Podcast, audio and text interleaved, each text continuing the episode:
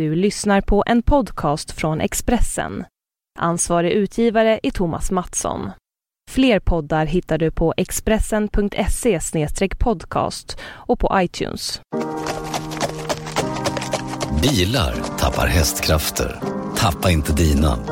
Nu finns ett nytt premiumdrivmedel på Statoil. Miles Plus.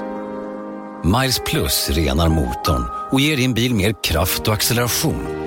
Läs mer på Statoil.se. Tanka Miles Plus på din närmaste Statoil-station. Välkommen!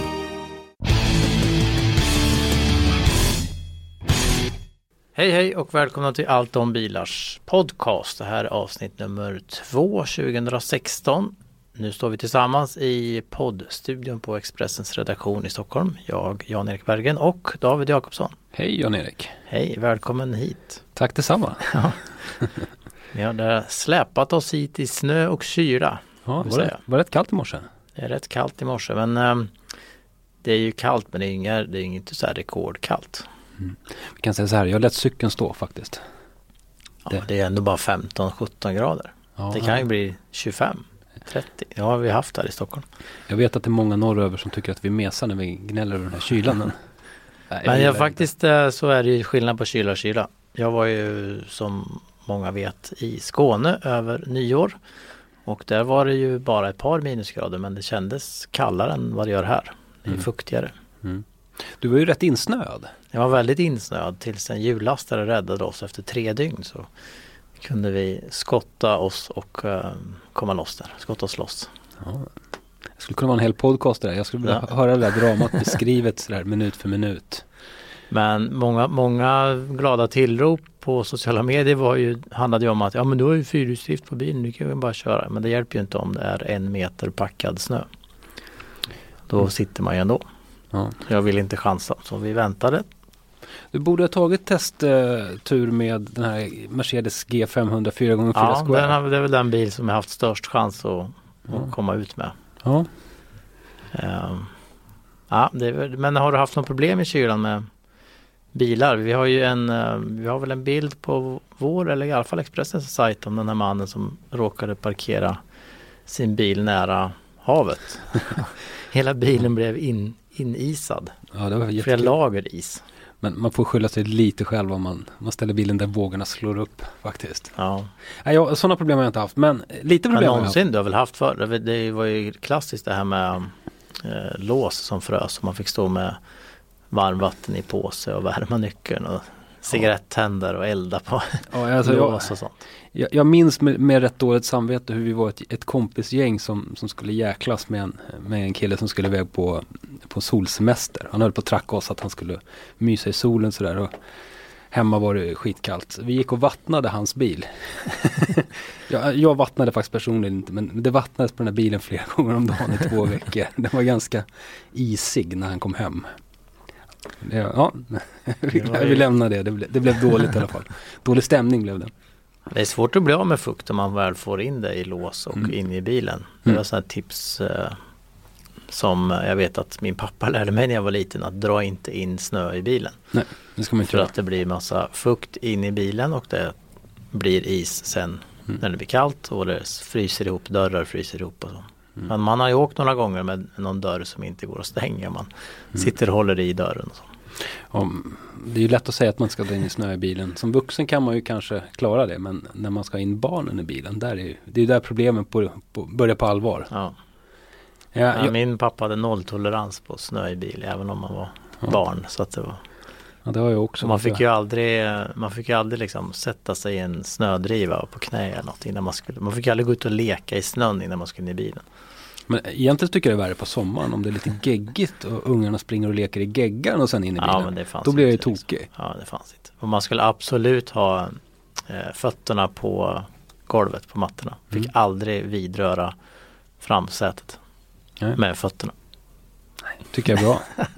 All respekt till din pappa. Ja. Nej men det var ju Nej, jag, jag... En annan grej som barnen har svårt att, att hålla sig ifrån det är ju att inte skriva i imman på rutorna. Mm. Vilket ju skapar fettfläckar på rutan som inte är så enkelt att bli av med. Ja, det är mycket, mycket otrevligt med barn i bilar. Eh, eh, problem som, eh, som många drabbas av, som jag faktiskt själv har drabbats, drabbats av två gånger nu. Det är att batterierna fryser sönder på vintern. Alltså har man ett bilbatteri som börjar bli lite dåligt, det kan vara någon cell som håller på att ge upp sådär, så, så är det ju rätt stor risk att det pajar. Om man kommer ut bilen på morgonen och den inte startar. Jag har ju Jag har varit med om det två gånger. Jag har köpt tre nya, jag köpte tre nya batterier till min Charan. Tre Vart, nya. Vartannat år ungefär. Mm. Men det var, beror ju på att den inte kördes så mycket så att då frös de ju sönder. Jag skulle ju ha tagit bort dem såklart. Du kanske köpte batteri på fel ställe också? Ah, jag köpte lite olika prisklasser. Mm. Eh, just därför, men det höll inte i alla fall. Mm. Men de håller ju inte om man inte laddar dem. Jag har köpt ett, ett nytt dyrt batteri till min V70.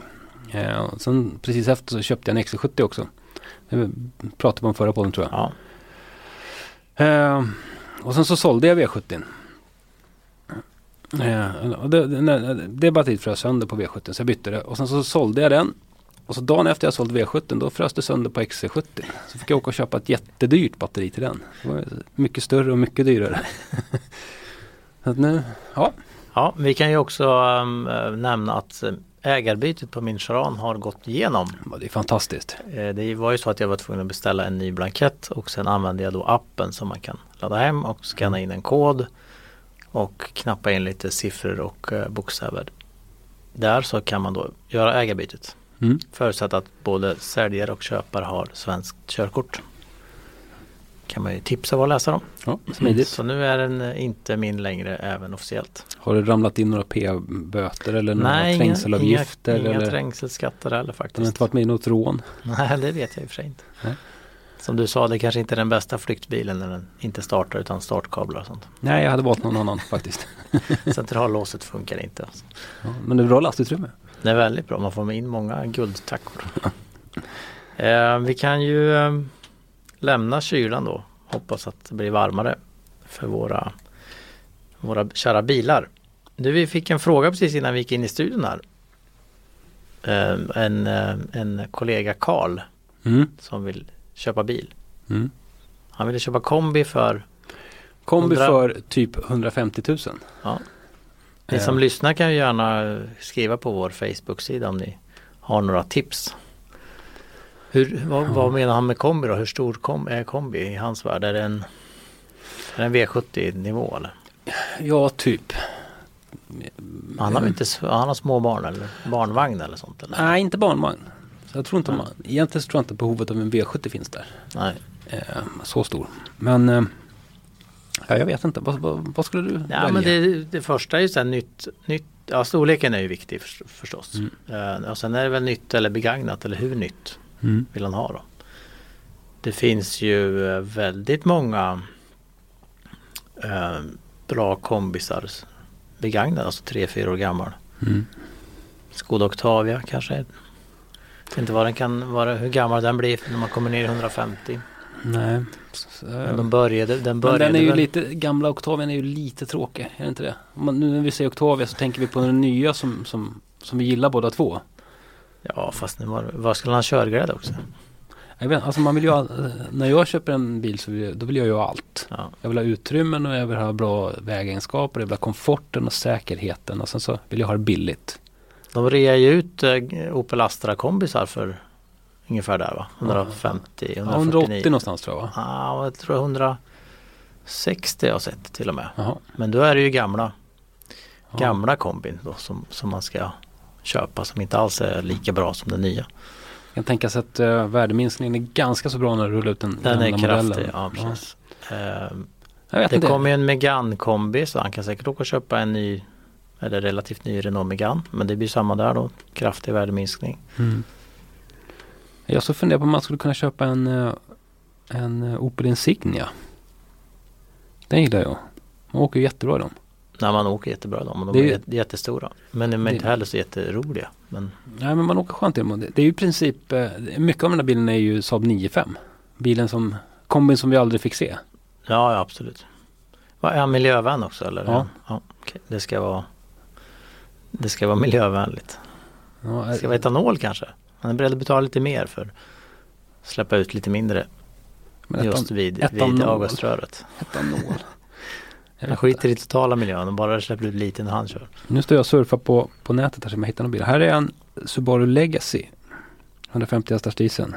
7000 mil. Men då är vi inte några miljövänner. Men Det är vi ju inte. Ja, men han, han var Ja, Just det, han är ja.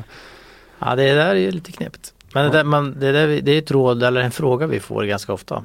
Mm. Från alla möjliga håll och inte minst här på jobbet. Eh, och det är ju intressant att, Mm. Att ta upp och när man börjar prata lite löst så visar det sig att de har ju några så här eh, krav. Att det ska inte vara ett visst märke eller det ska vara Mm. tyskt eller svenskt. Eller Mm. det ska vara miljövänligt. Du lärde mig en grej för länge sedan. Eh, vi får den här frågan hela tiden som du säger. Du lärde mig en grej att börja med att ställa mot, motfrågan. Är det någon speciell modell som du är sugen på? Ja precis. För, det, det, det är faktiskt ganska bra för man kommer ur vissa pinsamma situationer. ja. Sådär. Jag har ju en vän som gjorde den grejen på mig och sa Frågade bara och då ja, Han frågade vad jag tyckte om en Saab 9-5 och det var under den här ol, eh, oljesmörjnings debaclet de hade i sin motor och då Mm. sa ja men det, det, det, de är väl Det är ju en bra bil och snygg bil och så men, men man behöver ju kolla det här och det här och det här liksom Mm. innan, vad, vad, vad det är för bil. Så smög det ju fram till slut att han hade ju köpt den redan. Då blev, då blev det ju lite pinsam tystnad. Ja. Och sen eh, kan man ju då säga som svar på någon fråga, ja, vad tycker du om den och den modellen? Så kan man tycka, nej men det tycker jag, den tycker jag absolut, den är inte alls, den är alldeles för dyr för vad man får. Mm. Och sen kommer det fram att ja, antingen har de köpt den eller också älskar de ju den. Mm. Och inte sällan så går de ändå och köper den. Jag hade en lång maildebatt med någon som, som frågade om det var, ja det hade, var det mellan två suvar. Ska köpa en ny, ny bil. Den ena var Mazda CX5. Och den andra kommer jag faktiskt inte ihåg nu riktigt. Men jag tyckte den andra i alla fall var det bättre valet. Jag, hade- jag motiverade och han frågade och jag motiverade igen. Och sen, och sen kom det två veckor senare. Ja, tack för det, dina råd och så din tid. Det var jättebra men det blev en Mazda MX5 eller CX5. Det är lite som min fru brukar fråga mig, tycker du jag ska ta den här klänningen eller den här? Och så tycker jag att, ja men ta den där blåa. Ja, så kommer hon ut från, eh, har bytt om, så har hon den röda på sig liksom. Det slår aldrig fel. Folk gillar att höra råd men inte att följa dem. Nej. Ja. Eller också vill de bara höra andra åsikter och så övertar de sig själva i alla fall. Men generellt när man köper en begagnad bil, vad tycker du är det viktigaste att tänka på? Ja, vi hade ju, vi, ha- vi hade ju ett, vi hade ett, det beror på hur begagnad så att säga, men vi hade ett fall här, en, en man som hade köpt en Citroën som mejlade till oss och eh, hade köpt en som hade gått väldigt lite. Vilket ju man kan tycka det är bra. Mm. Men det visade sig då att den där hade ju stått stilla så mycket så när den här, bör, den här mannen började köra med den och, och körde då kanske normalt mycket eller till och med lite mer än normalt. Då tyckte han att men herregud nu går ju allt sönder. Mm. Och då var det ju delar som han fick byta som borde ha varit bytt redan. Kan man säga på bilen. Ja. Plus att det gick sönder för att den hade stått stilla så mycket. Mm.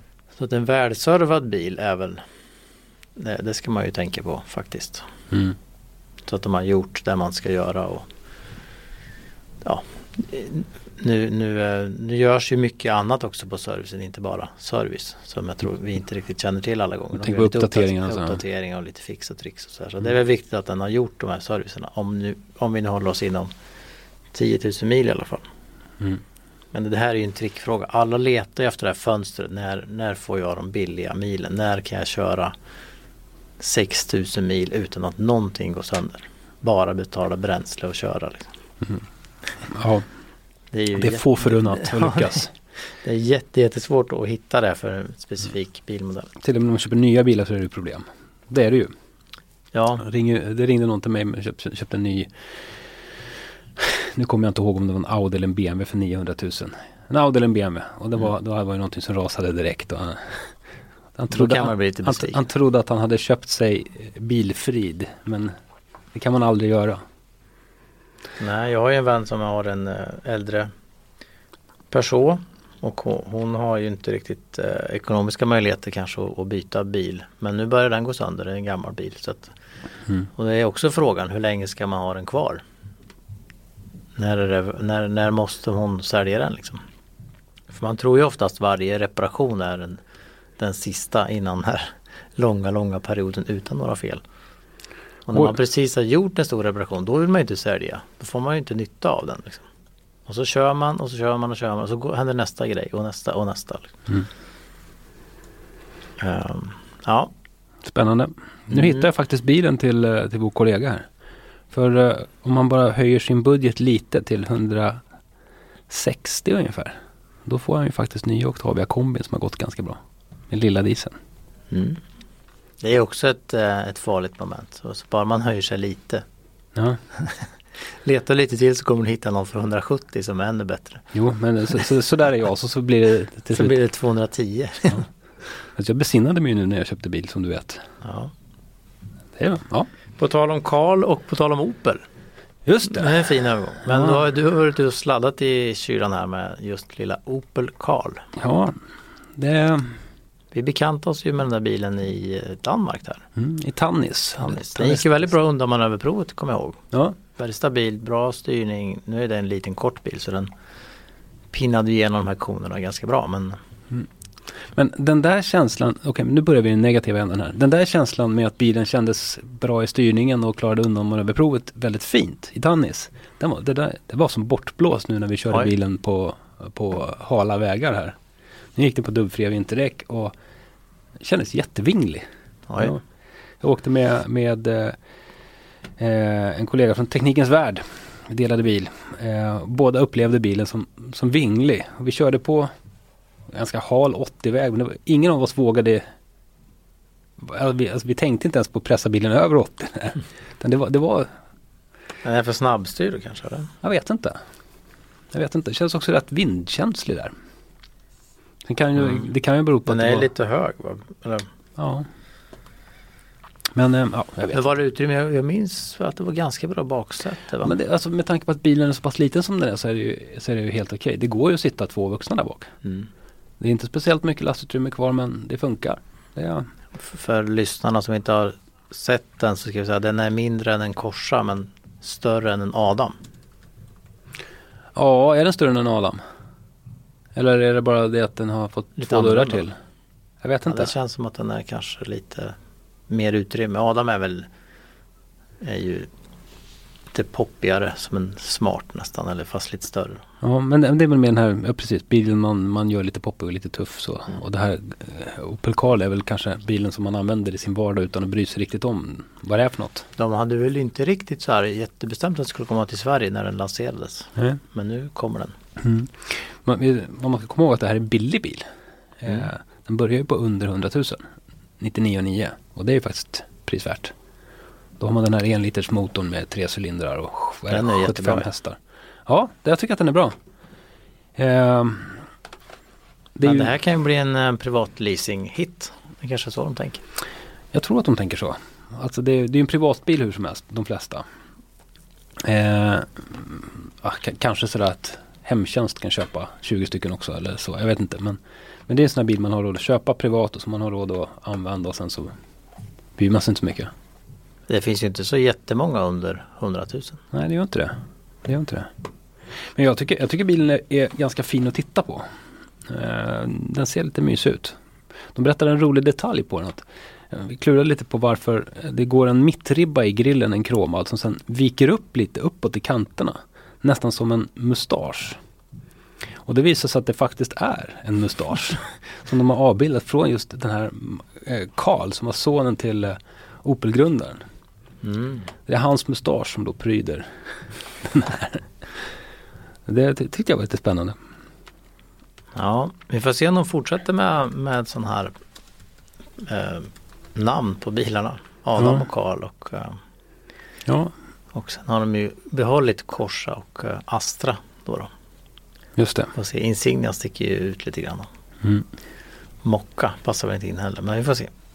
Jag får se. Den, den här bilen, alltså. Du har, jag vet inte vad jag ska säga om bilen. Det, Men det är, bara, det är en vanlig bil. det är precis, liksom. precis jag vill komma till. Det här är bilen bil. Är en, man behöver funktionen bil och sen så då är Opel Karl ett billigt alternativ. Mm. Ehm, och det, är, ja, fint. Det som sticker ut lite grann det det är att de hade ett ut, alltså när man, om, man, om du köper Opel Karl för 99,9 så är det en väldigt naken bil. Då finns det ingen luftkonditionering i den. Det finns liksom ingenting. Men bara man lägger på vet, bara några tusen lappar så får man plötsligt en riktigt välutrustad bil. Precis samma som de gjort med Astran. Att liksom det ska vara välutrustat mm. i budgetklassen. Då är det, fanns det rattvärme i bilen och det fanns AC och massa farthållare och massa är det, har du gjort det bara för att de ska kunna komma under 100 i annonserna? Jag tror det. Mm. Jag tror det. Man ska få upp ögonen för den här. Ja, det kostar under 100 och sen mm. kostar den 110 i alla fall. Men det är liksom, det är ju ingen bil de kommer att hålla i lager den där mm. nakna direkt. Men det, men det är kanske just den här hemtjänsten då som beställer 20 bilar som, som skiter i om det är AC eller inte i den. Jag vet inte. Ja, Nej, spännande. Ja. Du, um, vi fick ju också reda på idag att det var någon slags rekord på begagnat marknaden. Ja. Var det antal sålda bilar eller vad, vad, vad var rekordet? Jag vet inte, jag hoppas du skulle ta det eftersom inte jag har hunnit läsa det riktigt. eh, men det har ju pratats om det hela året att det, att det, är, att det är ett rekordår för begagnade bilar. Och det har var 1,4 miljoner transaktioner, eh, vad sa du? Alltså inte. affärer. Jag står just nu och ja. hysteriskt eh, rotar i min mailkorg här. Vi återkommer till det. Ja, vi kan ta trängselskatten i Stockholm. Vi har ju trängselskatt på Essingeleden. Ja. Och hittills är det ju, tycker jag i alla fall, väldigt många färre bilar. Vad kostar det? Jag vet inte. Det är ju maxbelopp som de flesta kommer upp i ganska snabbt. Um, men det är ju, de höjde ju också själva skatten i stan så det är ju fortfarande vad jag förstått billigare att köra Essingeleden än att köra genom stan. Annars okay. hade de ju i princip bara kört tillbaks trafiken inom stan igen. Ja det verkar väl lite spännande. För många tog en omväg om man bor i Nacka och ska till Kista så tog man kanske en omväg förut ut på leden. Mm. Än att köra genom stan. Men uh, nu ska det fortfarande vara billigare tror jag. Men i alla mm. fall är det färre bilar. Det kan ja. vara kylan som gör att de inte kommer iväg. Men Sen men, så är det väl äh, nyhetens behag också lite grann. Att, eller nyhetens obehag kanske här. Att man från början, det svider lite grann nu. Men om två veckor har alla tröttnat på att åka tåg. Så att då ja, dyker de upp på Så var det ju lite vanliga trängselskatten in, i stan. Men, mm. ja, men än så länge är det väl trevligt. Med mm. många färre. Vi hoppas då att det kanske är de att de åker eh, kommunalt istället för att sitta inne i stan i köerna där. Ja, du mm. Jag har hittat det mejlet. Mm. Eh, under 2015 så såldes det totalt 1 163 754 stycken begagnade bilar i Sverige. Det är en ökning på 4,1 procent. Det är många bilaffärer. Det är många bilaffärer och någon, någon kanske är två gånger där. Men... Ja, det är säkert flera bilar som har gått flera gånger. Mm. Du är med va? Du sålde före? Nej, du sålde Nej. före efter, efter årsskiftet och jag också då. Ja. Kommer med nästa år. Men någon, vänta, ja, någon bil har jag sålt. Jo, någon bil har jag sålt och köpt. Förra året också. Eller, ja det har jag, just det. Mm. Min eh, RAV4 till exempel. Eh, men det har ju, har ju liksom, hela året har ju liksom handlat om begagnade bilar. Jag har ju mm. pratat om det förut att det var det har ju varit helt galna väggpriser stundtals. Och handlarna har ju varit helt galna och haft slut på begagnat bilar i sina lager. Och min favorit är att de faktiskt har ringt runt till leasingkunder och försökt att bryta deras leasingkontrakt i förtid mm. för att kunna sälja deras bilar som begagnade. Och sen då erbjuda nya bilar. Ja, det är lika, lika virrigt som bostadsmarknaden i Stockholm ungefär. Ja. ja.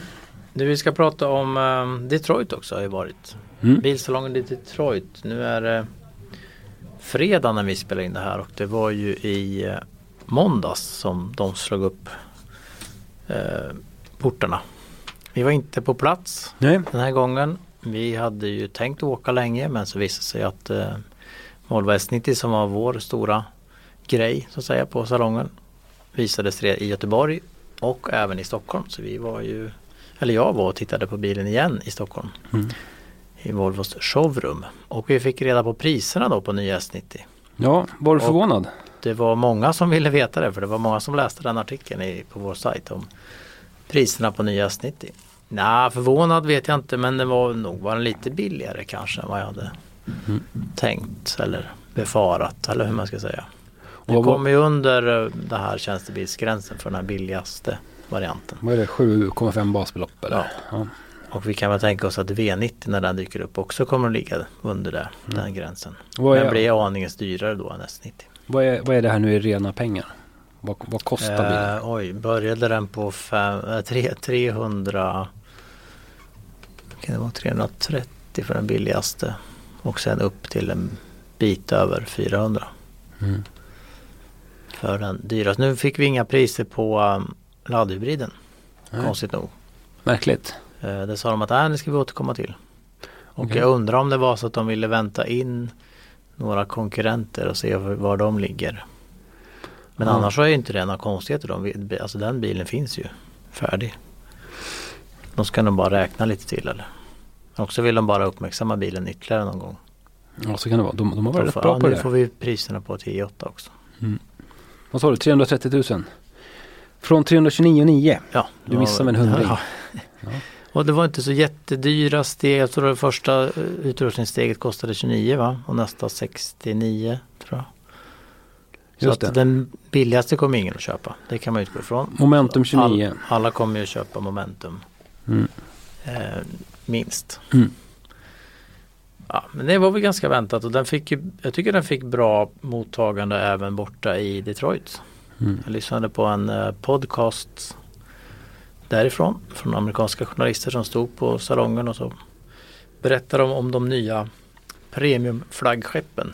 Mm. Eh, Hyundai visade ju Genesis, deras, deras så att säga Lexus-serie. Alltså en, en lyxigare Hyundai som heter Genesis. Och de, den hette väl också något med 90. Just det. Q90 va. Och så visades ju e, Mercedes E-klass. De tog ut de här tre som liksom de nya flaggskeppen. Eh, om S90 sa man då att eh, det här var ju en bra och trevlig bil på alla sätt och egentligen är det en XC90 som är i ny, nytt format Mm. bara. Och de trodde väl att XC90 skulle säljas betydligt bättre. Men att det var en väldigt, väldigt fin inredning. De var imponerade över inredningen och eh, flera olika detaljer i inredningen som de gillade jättemycket. Mm. Och de eh, pratade ju såklart om nya Volvo och eh, om starten och allt det här som alla alltid pratar om. Eh, de hyllade lite Volvo för att de fortfarande äger, som man sa, begreppet säkerhet. Mm. Och de har utvecklat säkerheten i den här jämfört med XC90. Mm. Och XC90 fick ju nu eh, erkännande från Euro NCAP som säkraste bilen. Säkraste av alla och säkrast i sin klass då såklart. Och XC90 vann Truck of the Year på Detroit-salongen. Mm. Ett pris som de vann också 2003 med gamla XC90. Ja, de har många priser. Engine of the year award Ja, men de de, de, de vis, i Stock, eller här i Stockholm när de visade bilen så hade de också en liten, eh, liten eh, overhead där med, med eh, alla priserna. Jag tror det var över 50 priser nu den här bilen har fått Mm. under sitt lanseringsår och den har ju sålt jättebra. Mm. De, de har, vi har också skrivit en liten artikel om hur de ska fortsätta att sälja bra. De hade mätt hur många ska man säga, hur många, hur må- hur många bilar som har sålts till kunder som hade något annat bilmärke.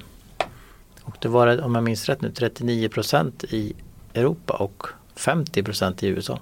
Oj då. Alltså de har värvat köpare från andra Många märken. nya kunder. Ja.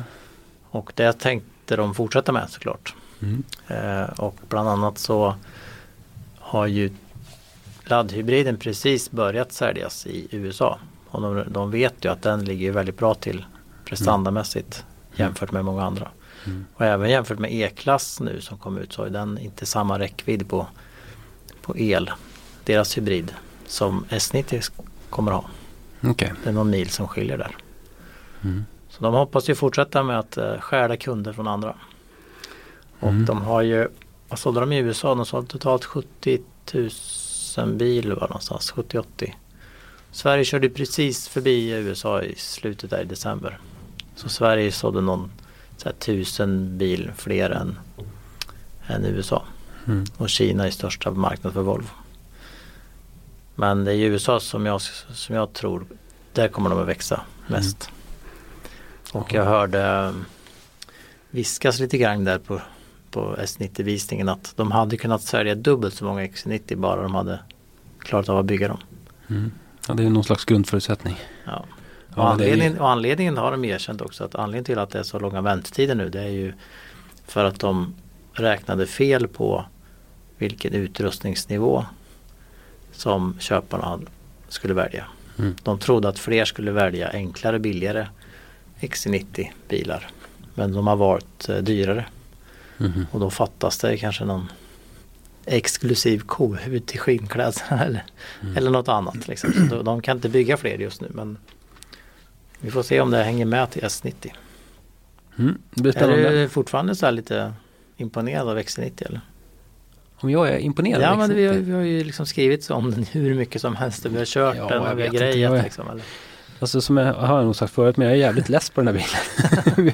jag har tjatat om den här bilen sen, sen, sen, sen eh, första lilla unset av eh, information kom om bilen och sen så har vi, Första bilden på blinkersglaset. Liksom. ja lite så. Jag måste säga att jag är rätt less på den. Men jag tycker fortfarande en väldigt bra bil. Eh, den bilen som jag är mest nyfiken på nu från Detroit det är ju Mercedes E-klass. Egentligen. Den är jag mer sugen på än S90. Den ska vi faktiskt köra om eh, i mars. Ja. Det är inte långt kvar. Alltså, S90 den- vet vi inte riktigt när vi ska få Nej. köra faktiskt. Det Mm. borde inte vara så långt borta. Men, Nej, men, men, ja, men eh, E-klass och det såg vi ju på vår sajt också. Det är många, många läsare och lyssnare som är nyfikna på den. Det såg ju riktigt fräck ut på insidan framförallt. mm. Jag tycker de har, ju, de har ju tagit det här ett steg till. Inredningen. Alltså, Alltså, den, är- det är ju det är- absolut världsklass. Det är, ju- om S90 är snygg inuti så är det här också Mm. ohyggligt häftig. Mm. Den, är- det, Det är ju bra, alltså det är ju coolt alltså. Jag längtar redan till den här bilen finns som bättre begagnad så jag har råd med den. Mercedes gjorde ju ett jätteryck också och körde förbi Audi i den här premiumfighten som det snackas mycket om. Det, är, BMW mot Mercedes mot Audi. det är C-klassen då som har lyft upp det hela, är det inte det? framförallt är det väl Nja, suvarna och suvarna i Mm. Kina. Ehm, och jag kan tänka mig att dieselhärvan har gjort sitt till för att bromsa Audi en aning. Mm. Möjligt. Men för Mercedes går bäst av de här tre i Kina. Ehm, och man tror faktiskt att redan i år, 2016, har Mercedes en bra chans att, gå förbi BMW och bli störst igen. Jag tror BMW har varit störst i typ 11 år, 12 år något. Mm. Och Audi gick ju förbi Mercedes för 2011 tror jag. Mm. Och nu har de tagit tillbaks den. Nummer två i alla fall. Nej, men vi har pratat om det förut i den här podden att eh, Mercedes har medvind. De gör Ja. mycket rätt nu. Och de, de ligger så här drygt 1,8 miljoner bilar. Mm. Jag tror BMW hade 1,83 och Mercedes 1,81. och Mm. Så här. Mm. Och som, det har vi också pratat om att bara för några år sedan sa man att nej men det är nog 2014 är det året Mercedes kommer toppa liksom och sen kommer de gå ner igen. För då kom, ja det kommer lite nya bilar och C-klass kom ut. Så. Mm. Eh, men det verkar som att de bara växer och växer och växer. Ja, spännande. Mm. Var det något mer från Detroit? Det kom ju mycket så här, de, de pratar mycket om eh, nya det fanns- Honda gjorde en ny pickis som de var lite imponerade av. Mm, Hyundai har en pickis. Ja, det också. Eh, kommer lite skumma bilar därifrån. Det som våra läsare varit mest intresserade av på sajten det är ju faktiskt en, en, en konceptbil från Kia. En SUV. Just det. Som, eh, som vi lite elakt skrev och eh, kallade för XC90-kopia. Mm. Eh, I profil var den väldigt, väldigt lik X90 i karossen. Men under det skalet så är det tydligen en, en vanlig Sorento. Eh, De vill visa upp hur de tänker sig sina SUVar i framtiden designmässigt. Det var, ja den där verkar folk gilla. Ja, den var ju väldigt lik och väldigt färdig va. Alltså man kan ju tänka sig att det är en Ja, nu är ju Sorento ganska ny men eh, Mm. att den kommer i alla fall. Mm.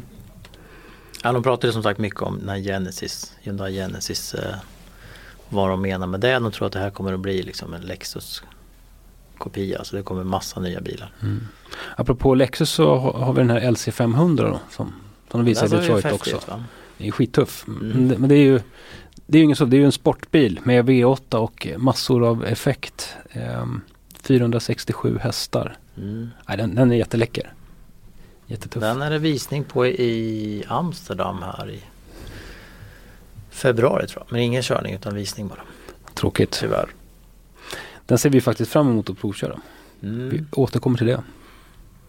Ja, annars var det väl ja, det, kom en, det, det hettade till också lite grann eh, häromdagen ifrån Detroit när Dieter Zetsche, alltså Mercedes-chefen, var kritisk mot folkvagn och dieselskandalen.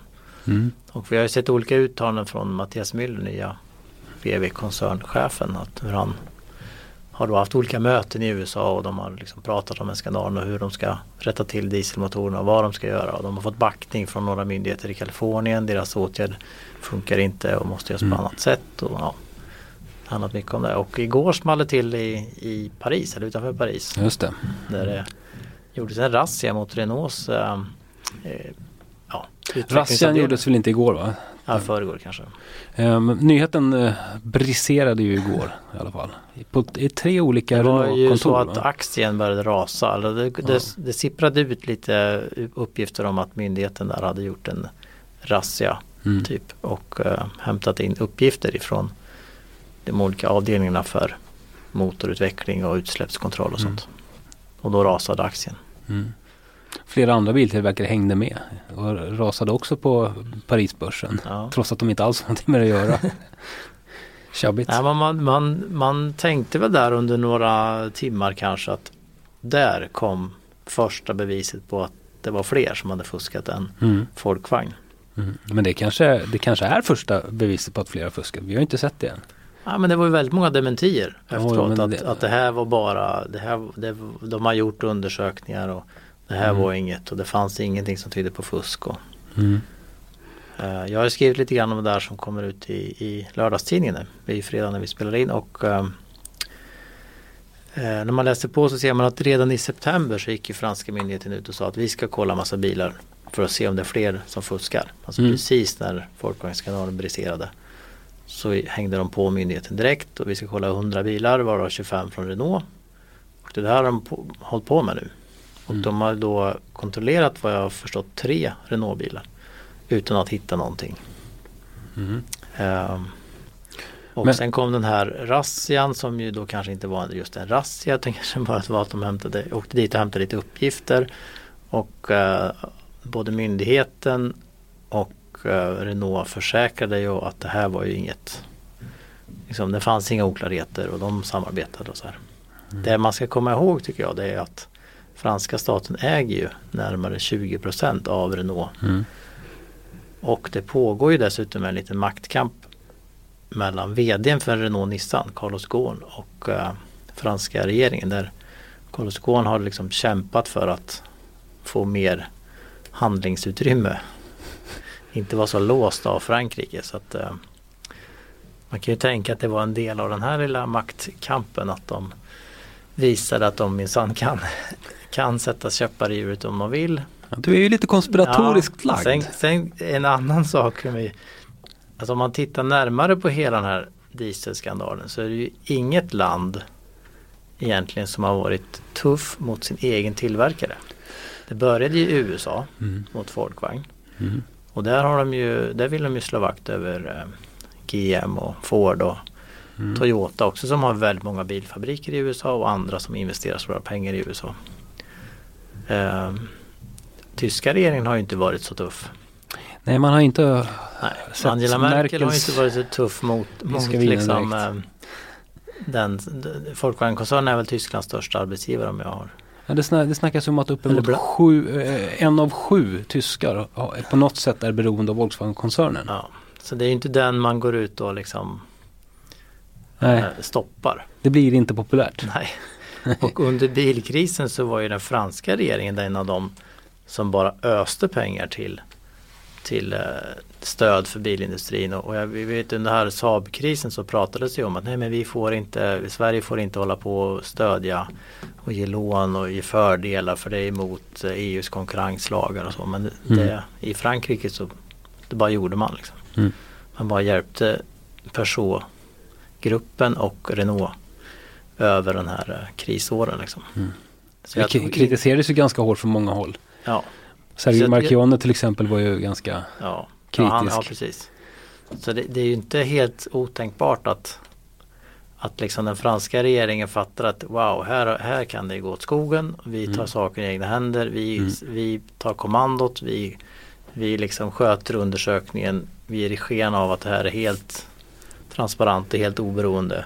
Mm. Men vi, om det är några felaktigheter som kommer ut så kommer vi aldrig berätta det. Mm. Eh, Så att när man säger oberoende undersökningar så är de ju direkt oberoende i, kan jag tycka, i Frankrike. Men Ja. Peugeot Citroën har också gått ut idag och sagt att de hade, har ju undersökts och inga felaktigheter förekommer där. Mm.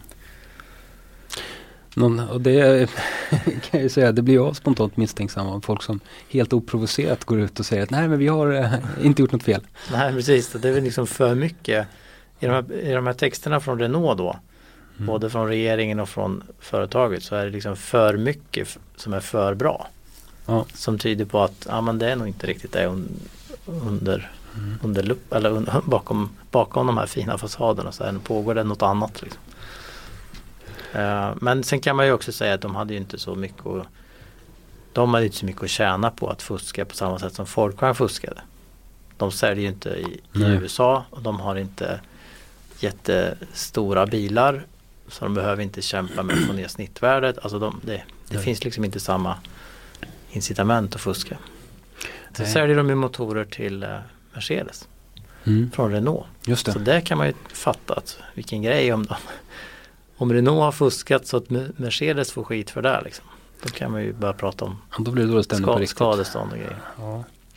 Sen, dieselmotorerna är ju extremt viktiga för södra Europa. Vad snackas det om? 60 procent är väl 60 diesel? procent i Frankrike var det där, när, när, Mm.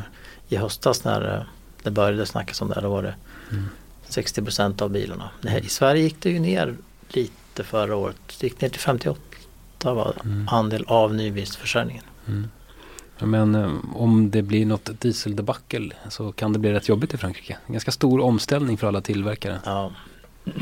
Mm. Och på tal om stöd från regeringen så kom det ju ut nu idag, eller i, i veckan i alla fall, att eh, tyska regeringen tänker satsa jättemycket på elbilar. Mm. Så de har ett stimulanspaket på 20 miljarder kronor som ska gå till eh, bilköpare. Alltså man får rabatt på sin elbil. Mm. Det ska gå till laddstationer och det ska gå till infrastruktur. Så det var ju en, en rejäl knuff åt det hållet. Mm. Och vad satsar de tyska bilmärkena på just nu? Ja. Ja, elbilar, laddhybrider. Det har de gjort ett, en stund. Det Ja. pratas ju mycket om det där. Så, Det tror jag är ett sätt för dem att eh, komma ur dieselberoendet å andra sidan. Att de, de, eh, ja, de får hjälp Mm. av regeringen helt enkelt att ställa om Mm. snabbt som ögat till, till, till el. ja. Så vi kanske ska köpa lite aktier i någon eh, ladd, laddkabelstillverkare som Ja. är nära till hands. ja. Vi får diskutera det sen när vi inte spelar in. Ja. Ja men det, var, det, det händer mycket. Men, det, men de, de som jag skriver i rubriken, de gör som Norge, de satsar på elbilar. Men det är då det på allvar kommer att betyda någonting när ett land som Tyskland ger sig in i det på, på, på allvar. Att Norge gör det, jag har all respekt för att Norge satsar sådär hårt på elbilar men det spelar inte så stor roll i världen eftersom det är Nej. ett så litet land och det är så en liten bilflotta och sådär. Ja, de får en klapp på axeln för det. Men när Tyskland gör det så kommer det ju spela roll på allvar. Jag tror 2014 såldes det 19 000 elbilar i Tyskland. Och Ja. de ska nu snabbt upp till en miljon. Ja. Så då kan man ju tänka att det, det kommer att spela roll och då kommer ju andra också hänga efter. Hänga, hänga på liksom. Mm. Vi kommer ju få se en elbil från Volvo här 2018 va? Just det.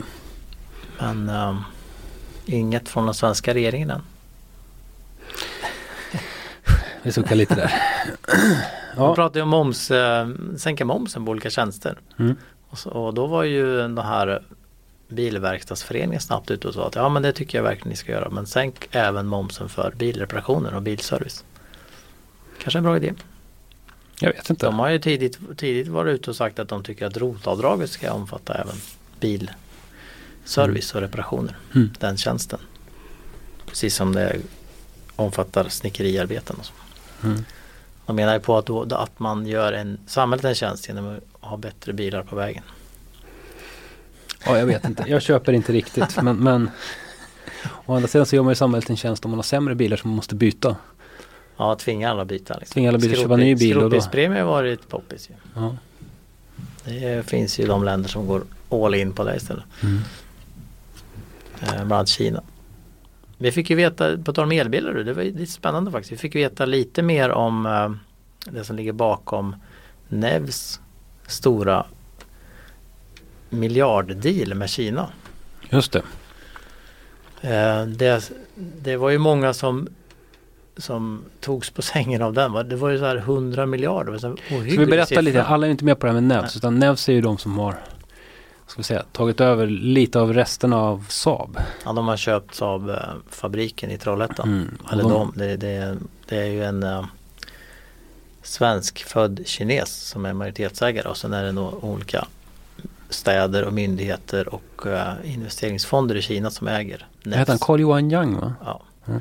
Det står i uh, den artikeln, precis ägarförhållandet. Men, uh, mm. och det här, de provade ju att starta om fabriken och bygga eldrivna Saab 9-3.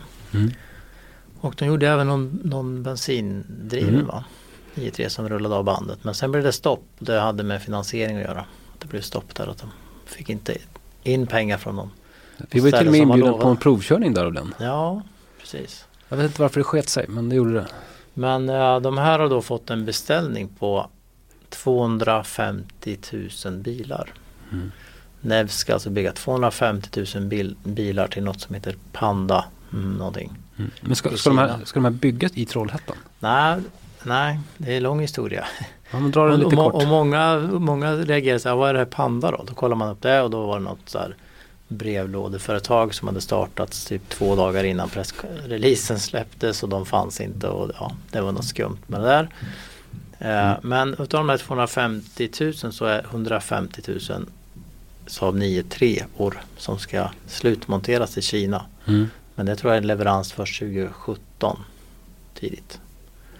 Eh, resten är lite så familjebussar och eh, någon buss för 38 personer och så. De andra 100 000. Och eh, de som beställt det här, den här Panda företaget, de, de ska då lisa ut de här bilarna. Mm. Bussarna ska leasas ut till ja, bussföretag och sånt. 93 ska leasas ut till taxi och shuttlebolag. Eh, över meningen. Och eh, Nevs får då inte 100 miljarder kronor insatt på sin, sin bank i Trollhättan utan de får betalt när lease, de som leasar bilarna börjar betala dem. Mm. Alltså de får en del av hyran betalas till Nevs då kan man säga. Och så förklarar de så att, att det här lilla för, nystartade företaget kunde beställa 250 bilar. Det beror på att Kinas regering har ett sånt jättepaket på gång för att eh, få igång elbilarna i Kina. För de måste, de håller på att kvävas typ av mm. avgaser. Så de måste, måste gå in i elbilssvängen. Mm. Eh, och det är de pengarna som Panda i sin tur ska använda. Så att de, den här eh, Carl Johan Yang menade att man behöver inte stora pengar i, i första läget i Kina just nu. För att du kommer att få bidrag från regeringen och eh, det gäller att vara med nu liksom. Och det, hade, det var inte bara Panda som hade startat, det var tror de räknade sådär tio startup-företag i Kina som, eh, ja, som drog igång nu bara för att ta del av de här jättepaketen som Kinas regering laddar för. Mm. Men bilarna, eller fabriken i Trollhättan då, de ska då förbereda för de här 9-3. Det är väl det de ska pyssla med. Inte, de ska inte bygga klart 9-3 och skeppa dem färdiga till Kina utan det ska byggas liksom delar för montering i Kina. Och det, ska det skulle ju fixas en eller två fabriker i Kina för det här också. Mm. Ja, vi får se. Det händer i alla fall saker och det, nu kanske det faktiskt är rätt tid för elbils eh, startup som Nevs. Ja. Om de var, om de var tidiga för tre år sedan så, så eh, med det vi har sagt idag bland annat så är det ju kanske läge. Jag ser med spänning fram på detta. ja. ja. Men, äh, nej, men en Saab 9-3 är väl inte det är väl inte fel. Alltså den ser ju bra ut. ja, jo. Nej, men, det, men sen kan man ju undra vad de kan lika gärna köpa en ja, det kunde varit var som, ja, men de kan lika gärna köpa en BMW men, men då, ja. det förklarade ju Carl Johan Young där att ja, men de, de, sitter fast i sina gamla strukturer. De kan inte bara sluta bygga diesel och bensinmotor utan det här är, det här är ett gyllene läge för en ny aktör. Mm. Sen kan man säga att det andra experter sa att ja, men det är svårt för nya att få ihop det med service och återförsäljare och hela den biten. Liksom.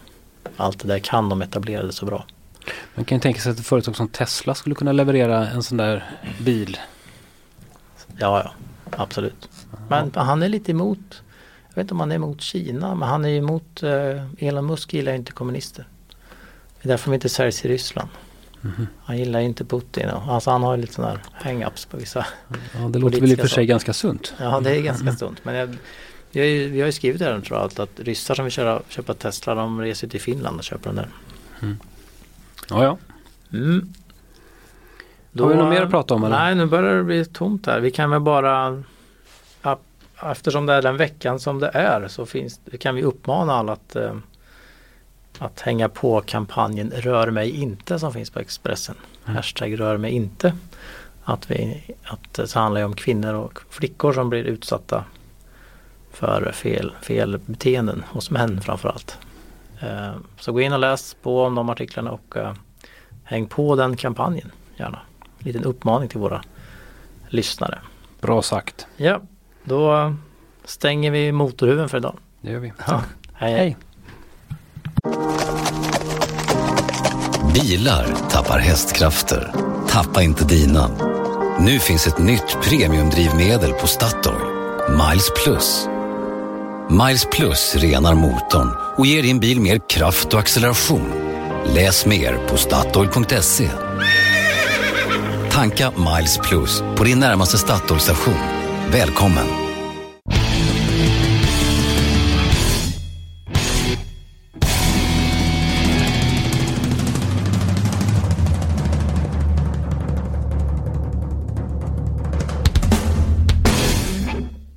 Du har lyssnat på en podcast från Expressen. Ansvarig utgivare är Thomas Mattsson. Fler poddar hittar du på expressen.se podcast och på iTunes. Aj, aj, aj, det kluckar i rören. Men det är väl inget att bry sig om? Jo, då är det dags för de gröna bilarna. Spolarna behöver göra sitt jobb. Spolarna är lösningen. Ah, hör du? Nej, just det. Det har slutat.